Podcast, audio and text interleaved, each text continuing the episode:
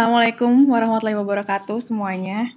Balik lagi di sini di eh, podcast channelnya Make It Happen Project. Hari ini udah ditemenin tadi udah kecolongan tuh suaranya Wa- jawab salam kan. Kira-kira siapakah yang ada di sebelah saya sekarang ini? Mungkin teman-teman ada yang bisa tebak. Ya susah banget pertanyaannya ya, baru denger jawab salamnya aja. Nah sekarang hari ini kita insya Allah akan em, tanya tanya-tanya nih, eh, dapetin ilmu dari salah satu em, orang yang menjadi inspirasi buat kita.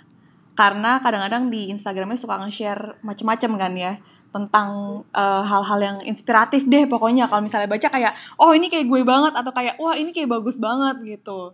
Tapi sebenarnya mungkin kerjaannya sendiri yang bisnisnya nggak ada hubungannya sama itu ya. Tapi somehow ternyata Mas Cie akhirnya kita sebut ini. Mas Candi Sulaiman yang sekarang ada di sebelah saya ini jadi sosok yang gimana nih? Kayak eh, suka sharing dan segala macam gitu ya Mas ya? Boleh nggak nih eh, langsung kita kayak em, intro dulu tentang Mas Candi. Terus habis itu kita akan ngomongin topiknya hari ini adalah your own definition of eh, success atau being successful ala Mas Candi Sulaiman Oke, eh, nama saya Candi Sulaiman. Saya siapa ya? Saya orang biasa aja. masa aja ya? Jadi apa namanya?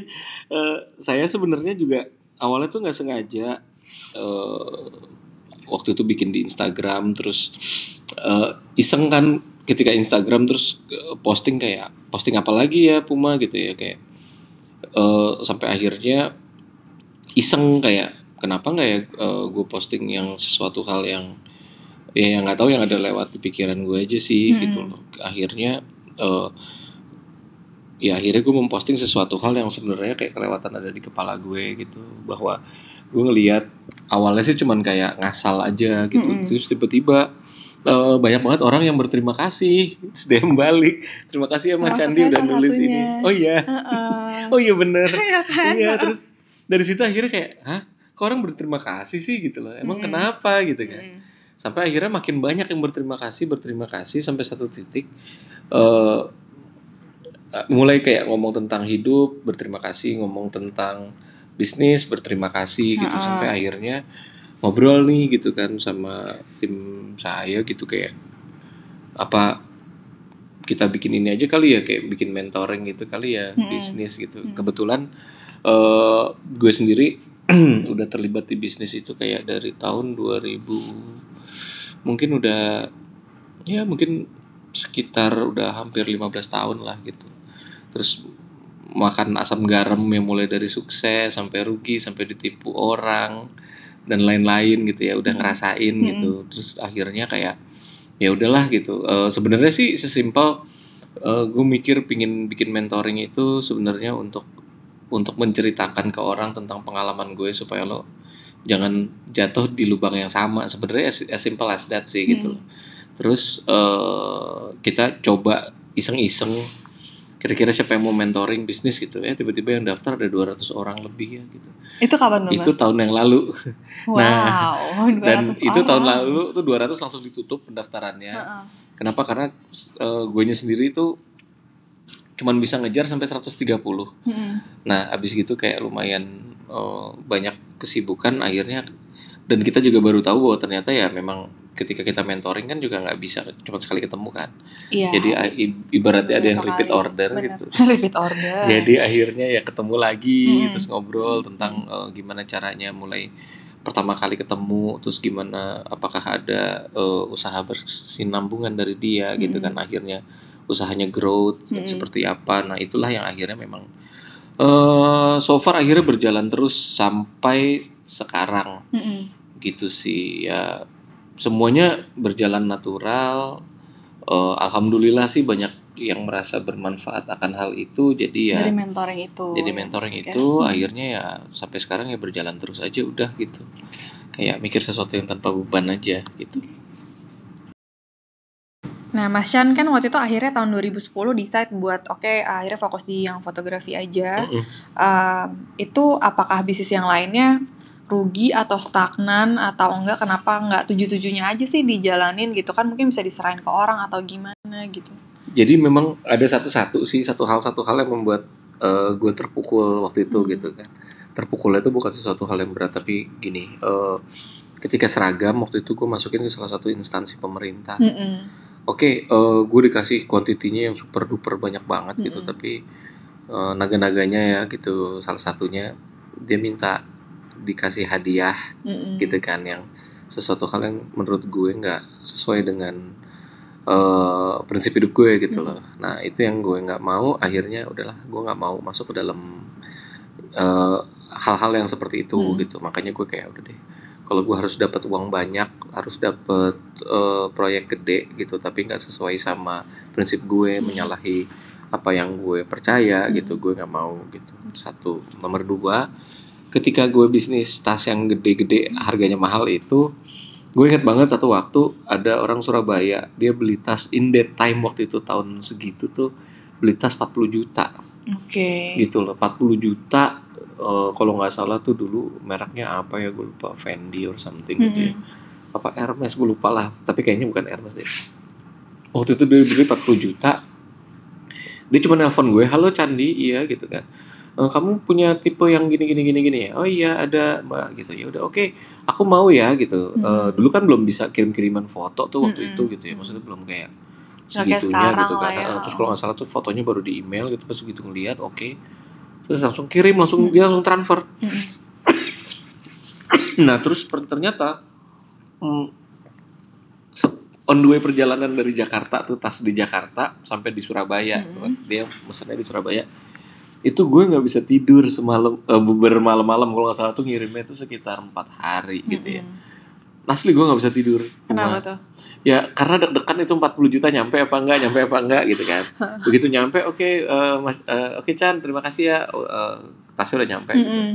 nah hal-hal seperti itu yang membuat gue kayak wah gila ya gue bisa dapat duit gede tapi kok gue nggak bisa tidur gitu deg-degan gitu kan.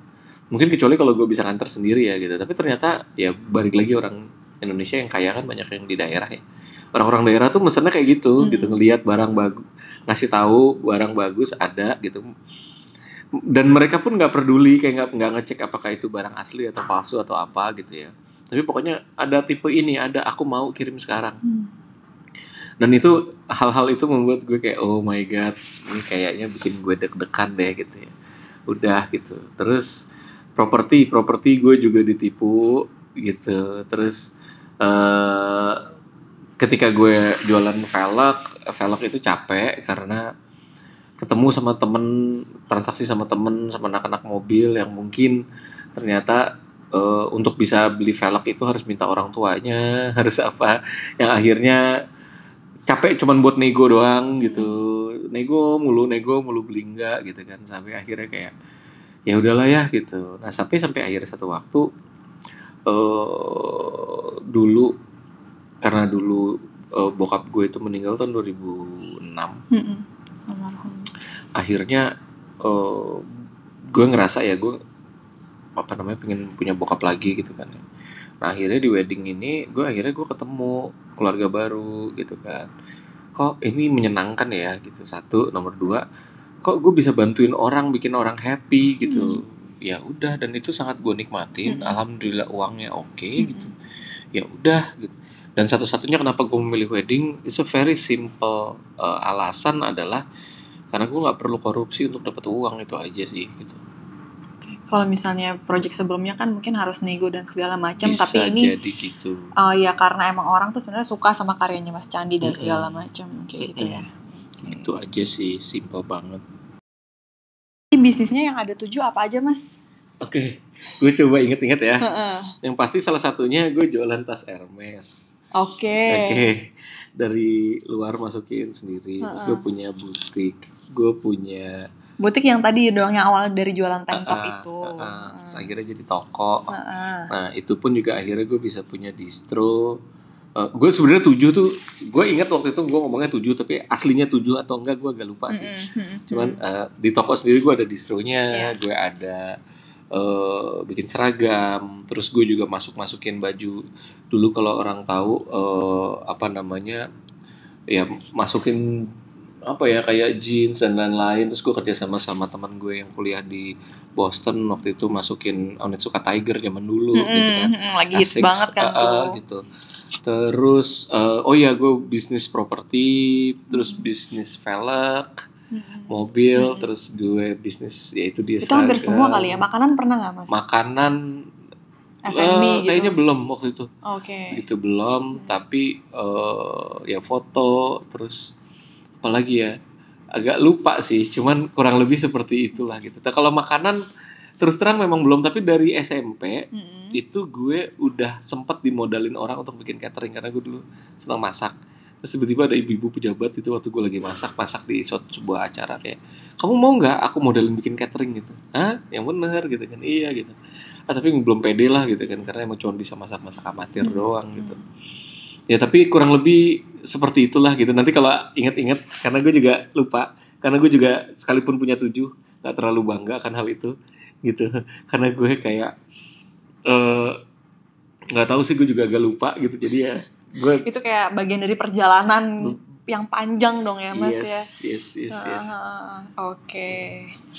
Yang bisnisnya tujuh salah satunya kan ada yang seragam Iya. nih ya. Eh, eh, seragam itu lucu eh, sampai masukin waktu itu kebetulan eh, megang seragam untuk pompa bensin Pertamina gitu. Oke. Jadi dulu per- Pertamina itu kan pompa ben- eh, seragam itu belum seragam. Jadi setiap Pertamina, setiap pompa bensin itu kan pemiliknya dulu masih pribadi banyak. Iya. Jadi misalnya ada satu orang yang punya pom bensin tujuh gitu, nah ngerjain tujuh pompa bensin, terus ada yang punya pom bensin tiga, akhirnya ngerjain untuk tiga mereka. Mm-mm. Terus terus terus sampai akhirnya dipanggil Pertamina Mm-mm. gitu. Wah, eh, alhamdulillah sih it's, it's, it's very good business lah gitu loh, in that time gitu untuk untuk dulu eh, untuk gue yang masih seumuran segitu gitu.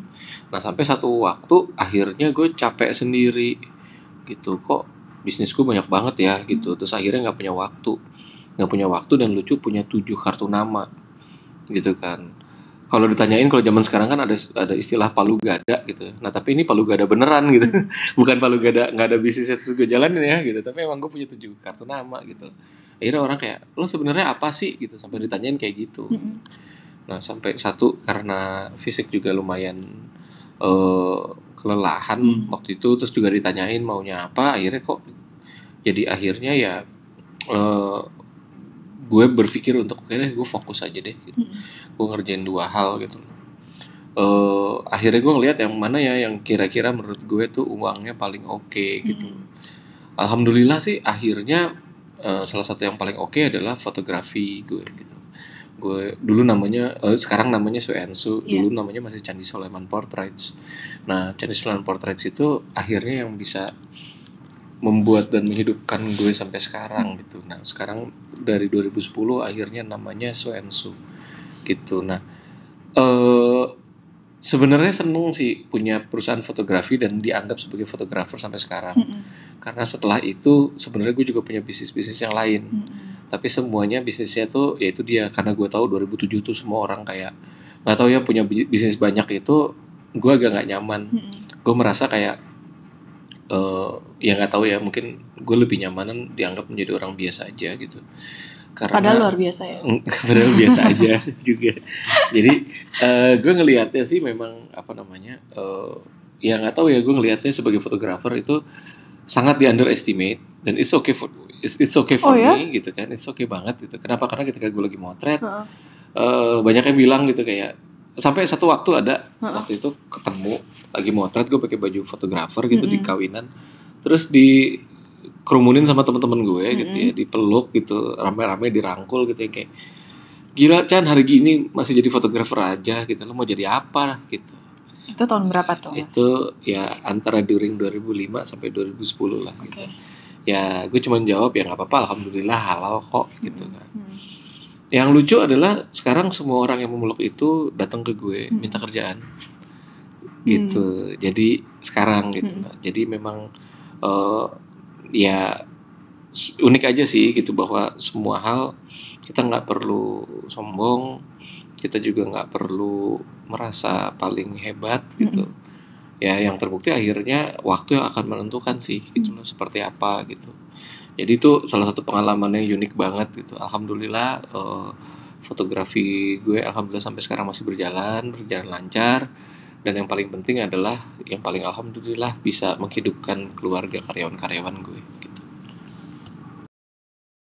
Nah, tadi ini barusan kita udah dengerin ya cerita dari awal sampai sekarang secara singkat nih dari Mas Candi sampai akhirnya sekarang uh, mungkin uh, Mas Candi paling uh, orang paling tahu sebagai seorang uh, bisnismen yang punya uh, studio fotografi dan Mm-hmm. fokusnya di wedding Mm-hmm. seperti itu dan Mas Candi sendiri adalah seorang uh, fotografer dan videografer. Mm-hmm. Nah, kalau misalnya uh, setelah apa yang dari dulu nih sampai sekarang dijalanin, itu kan akhirnya kita menuju ke sesuatu uh, tujuan nih, ke suatu Iya. tujuan yang kita pengen nih Iya. sebelum mulai itu semua. Iya. Dan sekarang itu sebenarnya aku pengen tanya, sebenarnya menurut Mas Chan gitu, setelah uh, perjalanan yang panjang ini, akhirnya Mas Chan kan sekarang udah bisa dibilang, aku bisa bilang Mas Chan tuh sukses lah ya gitu, karena akhirnya berhasil uh, membuat sesuatu dan sesuatu ini sustainable gitu. Uh, itu definisi definisi menurut aku gitu. Tapi menurut Mas Chan tuh sendiri gimana sih tentang uh, definisi dari sukses itu sendiri? Sebenarnya sih gini eh gue tuh orang yang percaya banget sama Tuhan gitu kan.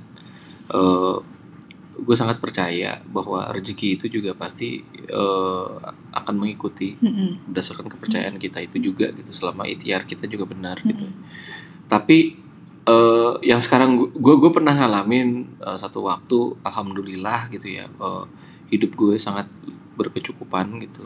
Alhamdulillah gue juga merasakan eh, karena gini for some reason banyak orang bilang kalau sukses itu adalah kaya gitu. Sukses itu apa sih? Maksudnya kayak eh ya gimana ya? Maksudnya sukses itu adalah kaya sukses itu bisa punya rumah gede gitu ya. Itu bener sih gitu cuman balik lagi dengan punya itu semua tapi hati nggak tenang apakah itu bisa disebut sukses gitu. Mm-mm.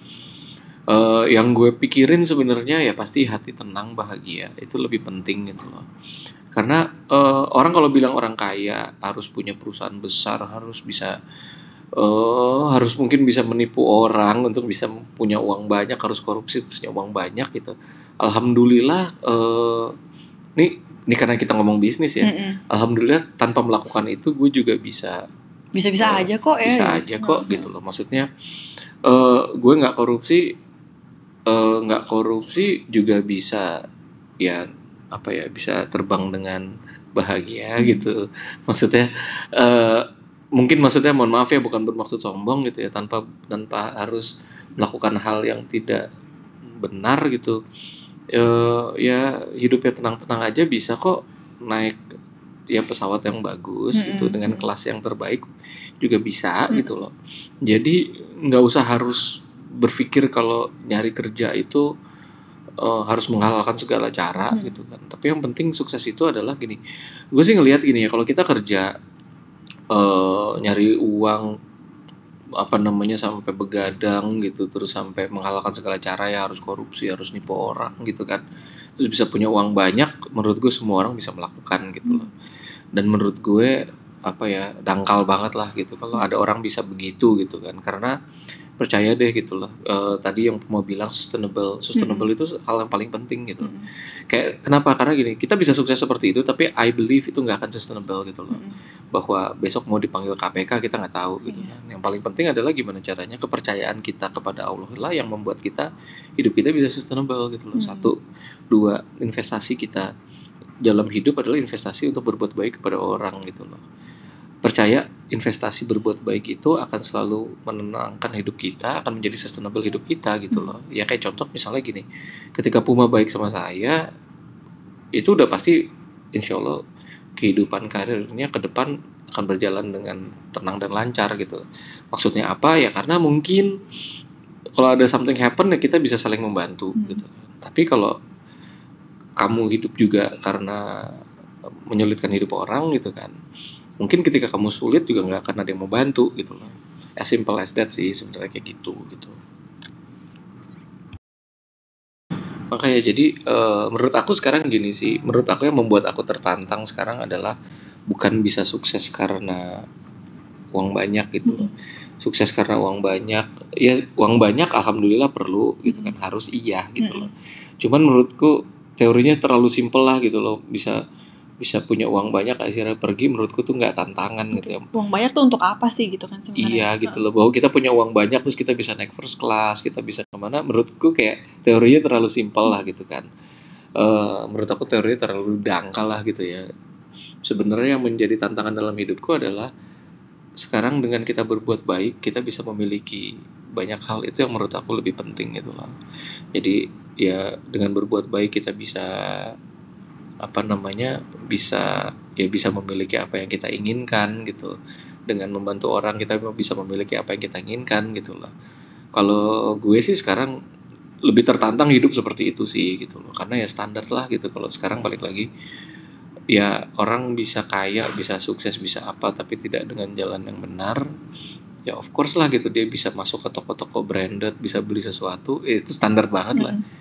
itu menurut menurut menurut gue kayak sesuatu hal yang kayak ya apa ya nggak ada tantangannya mm. gitu loh hidup gitu loh. gitu doang gitu gitu doang gitu. Kenapa kayak misalnya ada orang yang dikasih jabatan terus korupsi gitu.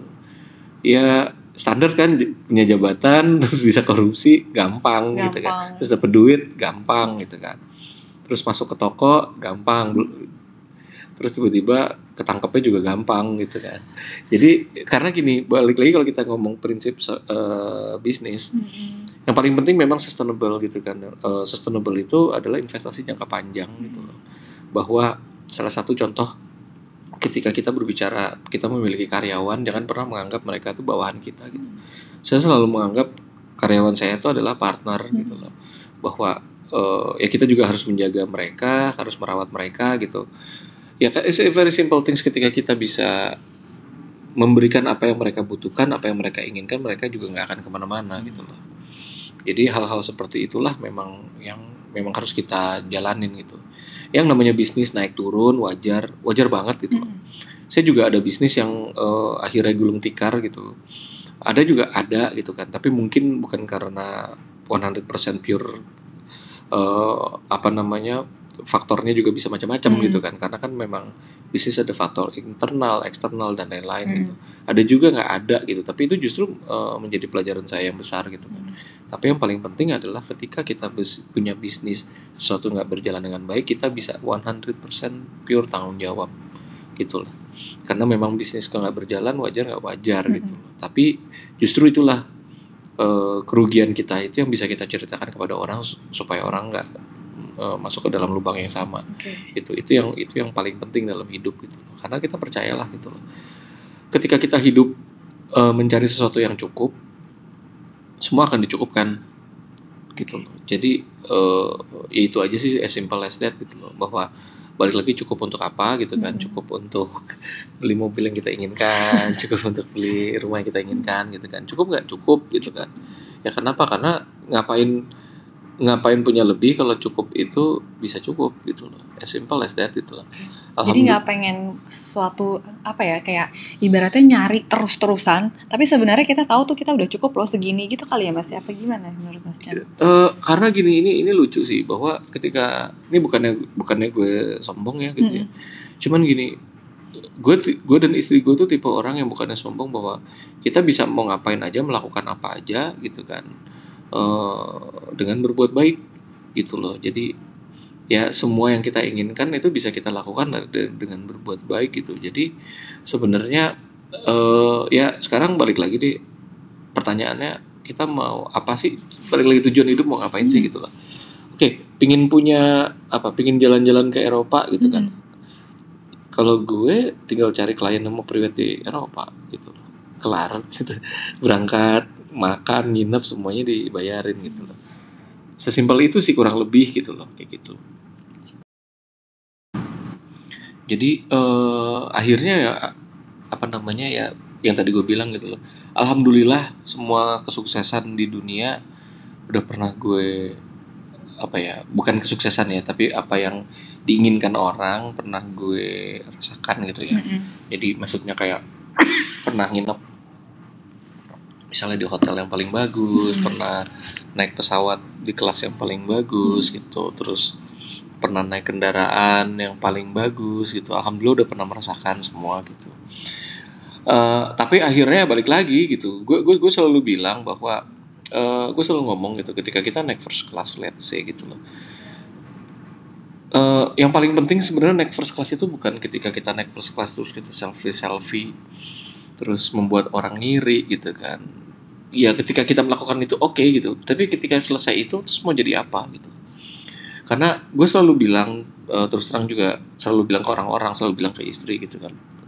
Sadar nggak sih ketika kita naik first class itu? Ketika kita udah nyampe ketika kita turun fasilitasnya akan sama. Turun juga dijemput naik bus juga gitu. Ya udah gitu.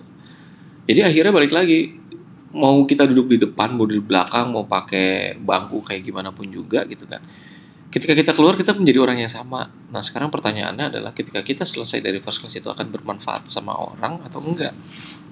Karena percuma maksudnya gini kalau kita foto di first class mm -mm. posting di Instagram mm -mm. gitu terus ya faedahnya buat orang apa? Gitu kan. Bikin iri sih kayaknya. Bikin iri aja gitu kan. Cuman maksudnya ya apa gitu. Kan faedah buat kita juga apa gitu. Mm. emang terus dengan kita naik first class terus postingan-postingan kita apa namanya kita posting di Instagram terus kita ke warung bisa dapat tahu gratis gitu enggak kan gitu kan. Jadi sama aja gitu kan. Cuman yang lebih penting adalah gimana caranya uh, pengalaman itu semua mm-hmm. memang bisa kita tularkan kepada orang gitu bermanfaat untuk orang gitu loh.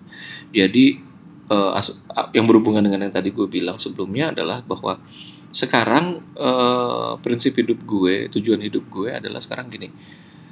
Kalau gue berusaha keras untuk membeli Ferrari untuk diri gue sendiri menurut gue itu bukan tantangan gitu. Uh, dan menurut gue oke okay, sekarang let's say kalau kita udah kita punya duit banyak kita bisa beli Ferrari terus what for gitu. Mau beli takut keserempet terus jalanannya rusak jalanannya di Jakarta. rusak di Jakarta gitu. Cuman ya untuk untuk kita pribadi lah gitu servis mahal gitu terus nanti garasi kita kebuka ngundang maling dan lain-lain gitu kan. Ya nggak tahu ya cuman ya gue akan punya suatu saat nanti itu uh, ketika uang gue juga cukup gitu. Cuman ya gue akan beli Ferrari ketika gue bisa ya gue beli Ferrari akan beli sekali lima gitu ya. Kalau beli Ferrari cuma satu-satu ya nanggung lah gitu ya. Tapi ya nanti gitu ya maksudnya ketika memang gue cukup tapi kan juga nggak tahu belum tentu gue juga uang gue juga cukup gitu kan. Gitu tapi uh, dalam arti sebenarnya gini tujuan hidup gue sekarang adalah gimana caranya gue bisa membantu orang. Let's say misalnya gue bisa membantu minimal seribu orang untuk bisa membeli Ferrari. So akhirnya gue bisa menggunakan Ferrari yang uh, berbeda-beda setiap hari. Gitu. karena menurut gue kalau gue yang bisa beli Ferrari doang terus orang lain nggak bisa ngapain? Itu gue make terus orang-orang cuma ngeliat ngapain? Gitu loh. Cuman yang lebih penting kan itu gitu. Ya sekarang kayak contoh misalnya Puma gitu. Mm-hmm. kalau Puma bisa saya bantu untuk bisa beli Ferrari mau nggak minjemin? Oh boleh mas. Silahkan pakai nah, gitu kan. So akhirnya ya gue tugas hidup gue adalah sekarang gimana caranya mencetak seribu Puma untuk bisa beli Ferrari yang banyak gitu. Loh menurut gue itu lebih challenging sih dibanding hmm. gue bisa punya sendiri hmm. menurut gue gitu ya. Kalaupun gue juga punya gue juga kayaknya belum tentu beli juga sih gitu loh uh, ya gue punya cita-cita suatu saat itu kalaupun gue punya mungkin mobil-mobil itu akan hanya menjadi pajangan gitu loh. Karena gue suka art gitu. Cuman ya gue lebih penting adalah ya itu dia gitu. Bahwa kalau gue punya sendiri akhirnya menyusahkan hidup gue ngapain gitu. Gue lebih baik gue punya ya setiap hari gue bisa ganti Ferrari yang berbeda-beda tipe yang berbeda-beda warna yang berbeda-beda gitu kan. Dan semua orang akan ikhlas gue pakai gitu itu yang lebih penting dan menurut gue itu lebih keren sih daripada uh, gue beli gue pakai sendiri gitu Nah, amin ya. Semoga bisa beli seribu Ferrari nih, Mas. Salah satunya ada saya juga ya, amin. Mas ya. Bisa membantu orang beli uh, bisa membantu ribuan orang untuk membeli Ferrari masing-masing. Okay. Salah satunya Amin. Oke. Okay. Nah, sekarang kita pengen uh, nanya juga nih, Mas. Mungkin uh, termasuk salah satu pertanyaan yang jadi penutup. Uh, kan tadi misalnya kita udah tahu dari Mas Candi sebenarnya definisi sukses tuh apa gitu mm. dan Mas Candi udah jelasin juga uh, secara terperinci. Mm. Nah sekarang aku tuh pengen tanya gimana maksudnya Mas Candi akhirnya bisa uh, ngedapetin atau caranya gimana untuk ngedapetin kesuksesan yang emang tuh sebenarnya kita pinginin gitu mm. yang tadi Mas Candi udah bilang juga gitu. Boleh di share Mas gitu. Oke, okay, uh, eh, mungkin sekali lagi uh, gue mau make it clear bahwa definisi sukses menurut gue mm-hmm. adalah sukses menurut gue adalah ketika gue bisa melakukan apa juga apa pun juga yang ingin gue lakukan mm-hmm. itu uh, as simple as gue pengen makan di warung gue bebas makan di warung gue pengen makan yang paling mahal gue bebas makan kapan pun juga gitu kenapa karena kadang-kadang ada orang sukses tapi mau makan di warung juga susah mm-hmm. gitu nah jadi ibaratnya kata sahabat gue bilang sukses itu adalah ketika kita bisa masuk ke mana pun juga. Dan itu definisi sukses gue gitu loh bahwa ya mau ngapain juga bebas gitu mau nongkrong di pinggir jalan boleh mau di mana boleh gitu loh. Nah eh so akhirnya itulah yang menurut gue eh, definisi sukses. Nah untuk tujuan mencapai sukses sebenarnya gini it's a very simple things menurut gue gitu loh ya mungkin gue gue mempersimpel ya ini.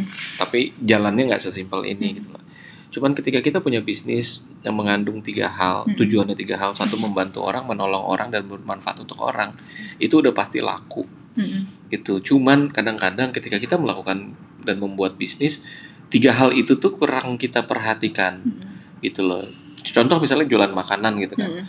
Ya kita jualan makanan bisa membantu orang eh, apa namanya berarti kan kita cari tempat yang mudah dan gampang supaya orang bisa mengakses makanan kita. Menolong orang adalah apa? Menolong orang untuk bisa kenyang. Menolong orang untuk bisa bermanfaat untuk bisa lebih sehat gitu kan. Nah hal-hal kayak gitu yang kadang-kadang tuh orang suka nggak mikir gitu. Oke jualan makanan oke. Tapi makanannya misalnya nggak sehat makanannya nggak enak ya kan? Akhirnya orang nggak beli karena apa? Ya karena nggak enak karena nggak sehat gitu loh eh ya nggak punya manfaat gitu loh. Nah ketika eh, kita juga punya makanan tapi susah diakses orang dibeli orang gitu. Akhirnya juga nggak bisa menolong orang gitu loh untuk bisa kayak gitu. Jadi mungkin tiga prinsip itu simple gitu. Kenapa balik lagi? Karena ya memang hidup itu harus dibikin simple sih gitu. Ya contoh semua hal gitu. Kamu mau bikin perusahaan apa pun juga deh. Dengan tiga prinsip itu insya Allah itu adalah jalan keluar termudah untuk bisa sukses gitu loh. Dan ketika kita menjalankan itu semua pasti semua orang bakalan bantu kok. Pasti semua orang akan bantu. Ketika orang membantu semua jalan itu menjadi lebar menjadi luas dan semua orang ingin berkolaborasi sama kita. Nah sebenarnya kuncinya di situ aja gitu. Karena ada orang bisnis nggak mau nolong orang ya akhirnya tertutup lah kesempatan dia untuk membuka membuka bisnis secara lebar gitu kan. Tidak bermanfaat gitu. Ya ya udah akhirnya orang nggak merasa perlu itu gitu loh. Cuman kalau kita melakukan tiga hal itu insya Allah semua hal juga akan dipermudah gitu. Balik lagi ya gitu ketika kita hidup tujuan kita jelas kita mau ngapain gitu. Ya pasti semua jalannya juga akan dibuka sih. As simple as that sih semuanya gitu. Jadi em, sebenarnya balik lagi ke tiga hal yang tadi. Ketika kita sebenarnya mau mulai berbisnis itu kita harus tahu why-nya dulu kali ya Mas atau tujuannya yang eh, bisa mencakup itu semua yes gitu. Tapi aku pengen nanya nih Mas sedikit. Eh, ada juga misalnya bisnis yang eh, kita tahu oh, nggak menolong orang dan nggak punya tiga hal ini tapi eh, sukses gitu misalnya. Menurut Mas Candi gimana sih kalau itu? Gitu. nah tapi sekarang pertanyaanku adalah kalau ada orang bisnis gitu sustain nggak? Hmm. gitu kan. Karena kan kita butuh bisnis yang sustain gitu loh. Jadi ada sih orang yang kayak tadi bilang gitu. Mm-mm. ya dia mencap ya intinya oh, ini mohon maaf ya Mm. gitu menjadi pejabat karena dia membeli jabatan gitu. Terus begitu jadi jabat menjadi pejabat terus akhirnya dia korupsi punya uang banyak gitu kan. Pertanyaannya itu sustain nggak? Gitu kan akhirnya besok ditangkap KPK akhirnya nggak sustain gitu. Loh terus atau mungkin eh, ya kiri kanannya nggak suka akhirnya menjatuhkan dia. Itu sustain nggak gitu kan? Ya karena sekarang balik lagi gitu loh. Ketika kita punya bis- bisnis itu seperti kita punya gedung. Tiang pemancangnya itu juga harus kuat gitu. Fondasinya juga harus kuat gitu. Percuma kita punya gedung tinggi tinggi tapi fondasinya nggak kuat gitu loh. Karena ya tadi yang eh, Puma bilang itu 100% benar bahwa bisnis itu memang harus sustain gitu naiknya mungkin pelan-pelan tapi sustain gitu. Daripada kita naik cepat tapi ya akhirnya Turunnya jatuh cepat juga gitu. turunnya gitu ya. juga cepat gitu kan. Jadi eh, akhirnya memang dia balik lagi ya gitu loh. Kalau kita kan ngelihatnya gini ya kadang-kadang ya balik lagi di sosmed ya. Ada orang sukses cepat segala macam gitu kan. Begitu ditanyain suksesnya kenapa dia gagu gitu kan. Ya pasti kan suksesnya karena shortcut gitu kan. Ya nggak apa-apa biarin aja gitu. Kalau nggak ngerugiin dia nggak apa-apa gitu kan. Tapi ujung-ujungnya besoknya dia kenapa ini itu juga bukan urusan kita juga kan gitu loh. Jadi memang kita ngelihat bahwa ya, hidup ini yang penting adalah sustain gitu loh. Jadi ya percuma misalnya contoh gitu loh. Banyak orang ini sebagai contoh paling simpel kayak gini. Ketika bisnis berhubungan dengan ibadah yang pernah waktu itu pernah cerita sama Puma juga gitu loh.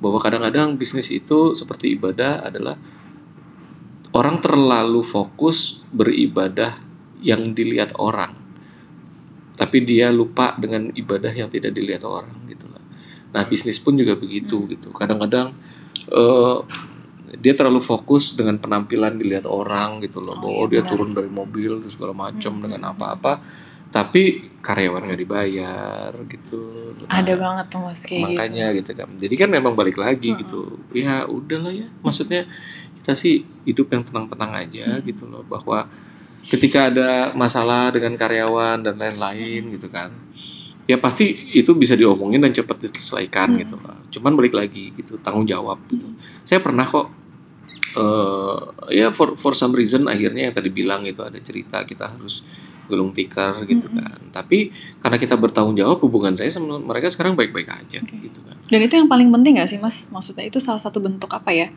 eh investasi juga gitu kan Yes. sebenarnya gitu. makanya saya selalu bilang it's a very simple things bahwa berbuat baik itu investasi Hmm. gitu kita nggak pernah tahu Puma gitu bahwa Hmm. kita men- men- mem- mem- menolong orang sekarang akhirnya bermanfaat untuk kitanya kapan Hmm. gitu kita nggak pernah tahu gitu loh jadi eh, yang penting kita berbuat baik dulu aja gitu jadi eh, miracle happens every day in my life gitu loh bahwa kita harus bersyukur gitu bahwa eh, itu yang paling penting sih bersyukur dan ikhlas gitu. Kita percayalah gitu. Saya, saya, saya sangat percaya sama Allah. Sangat sangat sangat percaya itu akan Allah akan memberikan yang terbaik buat saya gitu. Jadi eh, buat orang yang nggak percaya sama Allah ya tinggal suruh ngobrol aja sama saya sih. Simple as that gitu. Oke. Nah, jadi kita udah dengerin ya, makasih juga nih Mas Candi eh, penjelasannya. Terus menarik banget. Jadi kalau misalnya kita pikirin bahwa eh, sukses tuh sebenarnya mungkin ini cemiu ya, correct me if I'm wrong. eh, yang paling penting itu adalah sebenarnya tenangnya juga gitu. Jadi selain memang kita bisa ngedapetin apa yang kita mau, cuma uh, kita juga make sure kalau misalnya kita tuh uh, tenang karena sebenarnya tenang itu faktornya dan impactnya tuh gede banget.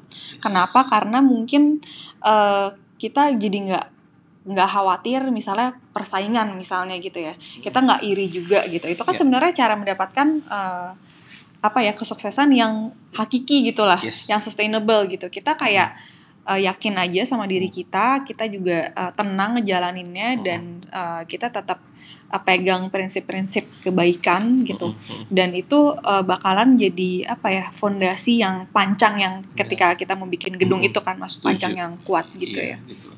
Makanya ketika kita menjadi orang baik Mm-mm. eh, ketika kita berbisnis kalau kita jadi orang jahat orang akan bersaing mengajak bersaing ketika Mm-mm. kita menjadi orang baik orang akan ngajak kerjasama As Wah simple itu that, banget gitu. ya mas kayaknya. Mm-mm. Oke, iya deh kalau gitu. Terima kasih banyak. Ini uh, hari ini sesinya menarik banget juga. Um, mudah-mudahan teman-teman yang mendengarkan bisa mendapatkan manfaatnya ya Mas ya gitu. Terus uh, kita juga nggak tahu sini lagi mau nanya sama Mas Candi. Mas kita bikin sesi berikutnya yuk. ayo anytime. Ayo ya. Oke, jadi eh, terima kasih buat Mas Candi. Di sini juga ada Mbak Resti juga yang nemenin gitu. Cuma eh, silent ya. Ya. Kita follow ya instagramnya @restigina eh, pakai G H I N A kan. Ya. Re- Ginanya pakai H di tengahnya.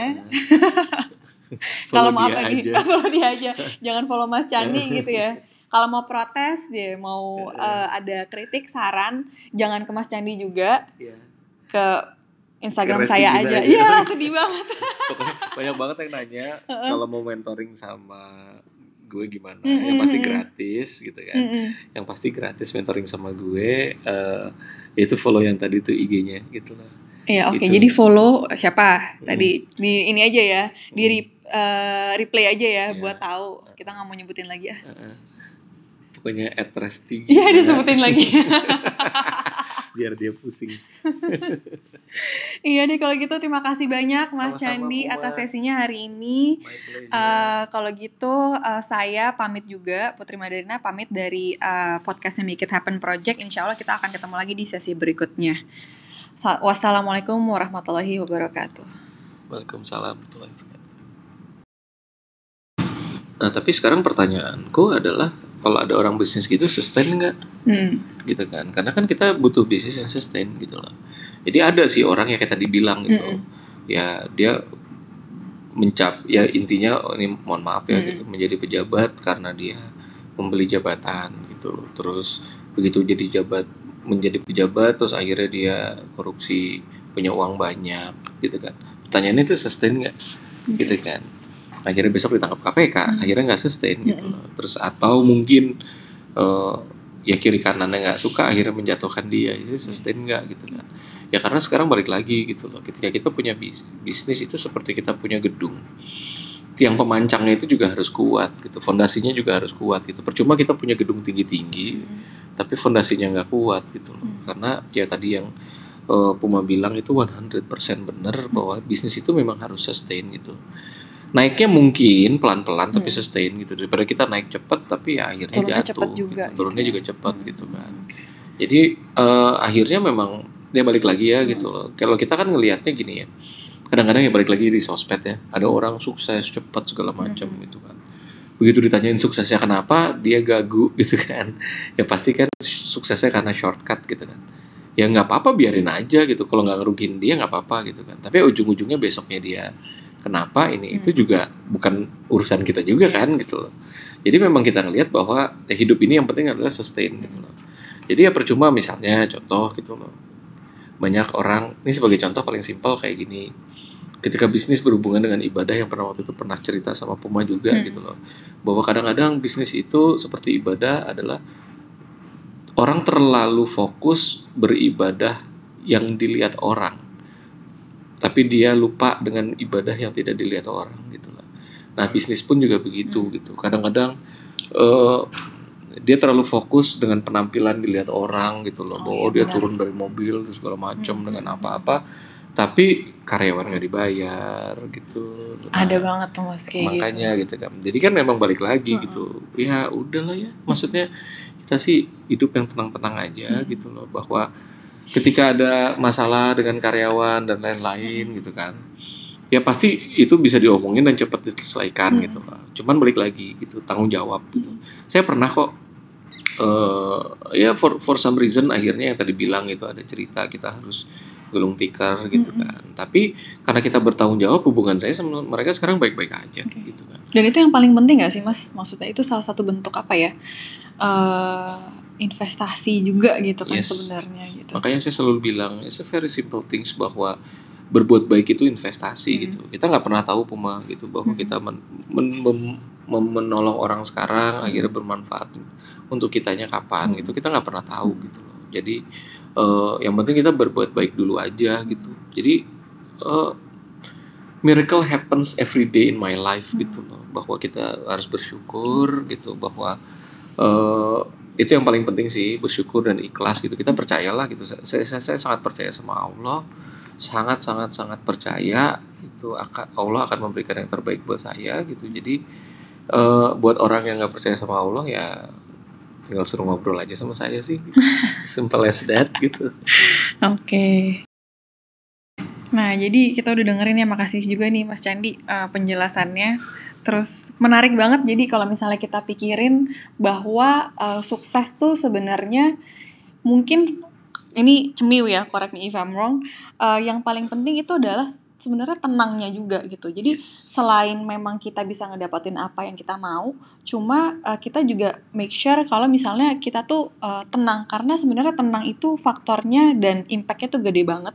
Kenapa? Karena mungkin uh, kita jadi nggak nggak khawatir misalnya persaingan misalnya gitu ya. Kita nggak iri juga gitu. Itu kan Ya. sebenarnya cara mendapatkan uh, apa ya kesuksesan yang hakiki gitulah, Yes. yang sustainable gitu. Kita kayak uh, yakin aja sama diri kita, kita juga uh, tenang ngejalaninnya Hmm. dan uh, kita tetap uh, pegang prinsip-prinsip kebaikan gitu. Mm-mm. Dan itu uh, bakalan jadi apa ya fondasi yang pancang yang ketika kita mau bikin gedung itu kan mas Setuju. pancang yang kuat gitu Iya, ya.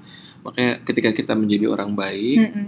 eh, ketika kita berbisnis kalau kita jadi orang jahat orang akan bersaing mengajak bersaing ketika Mm-mm. kita menjadi orang baik orang akan ngajak kerjasama As Wah itu that, banget ya mas kayaknya. Mm-mm. Oke, iya deh kalau gitu. Terima kasih banyak. Ini uh, hari ini sesinya menarik banget juga. Um, mudah-mudahan teman-teman yang mendengarkan bisa mendapatkan manfaatnya ya mas ya gitu terus uh, kita juga nggak tahu sih ini lagi mau nanya sama mas Candi mas kita bikin sesi berikutnya yuk ayo anytime. Ayo, ya. Oke, jadi uh, terima kasih buat Mas Candi. Di sini juga ada Mbak Resti juga yang nemenin gitu. Cuma uh, silent ya. Gitu. follow ya instagramnya @restigina uh, pakai G H I N A kan. G H I ya. N A. Re- Ginanya pakai H di tengahnya. Follow Kalau mau apa nih? aja. follow dia aja. Jangan follow Mas Candi gitu ya. Kalau mau protes dia mau uh, ada kritik, saran, jangan ke Mas Candi juga, Iya. ke Instagram saya aja. aja. Iya, sedih banget. Banyak banget yang nanya kalau mau mentoring sama gue gimana Mm, yang pasti gratis gitu kan yang pasti gratis mentoring sama gue eh itu follow yang tadi tuh IG-nya gitu lah Iya, oke. Gitu. Jadi follow siapa tadi di ini aja ya, di re- eh, replay aja ya Iya. buat tahu. Kita nggak mau nyebutin lagi ya. Heeh. pokoknya @resti Iya, disebutin lagi. biar dia pusing iya deh kalau gitu terima kasih banyak Mas Sama-sama, Candi Puma. atas sesinya hari ini. Eh, kalau gitu eh, saya pamit juga Putri Madarina pamit dari eh, podcastnya Make It Happen Project. Insya Allah kita akan ketemu lagi di sesi berikutnya. Sa- Wassalamualaikum warahmatullahi wabarakatuh. Waalaikumsalam warahmatullahi wabarakatuh.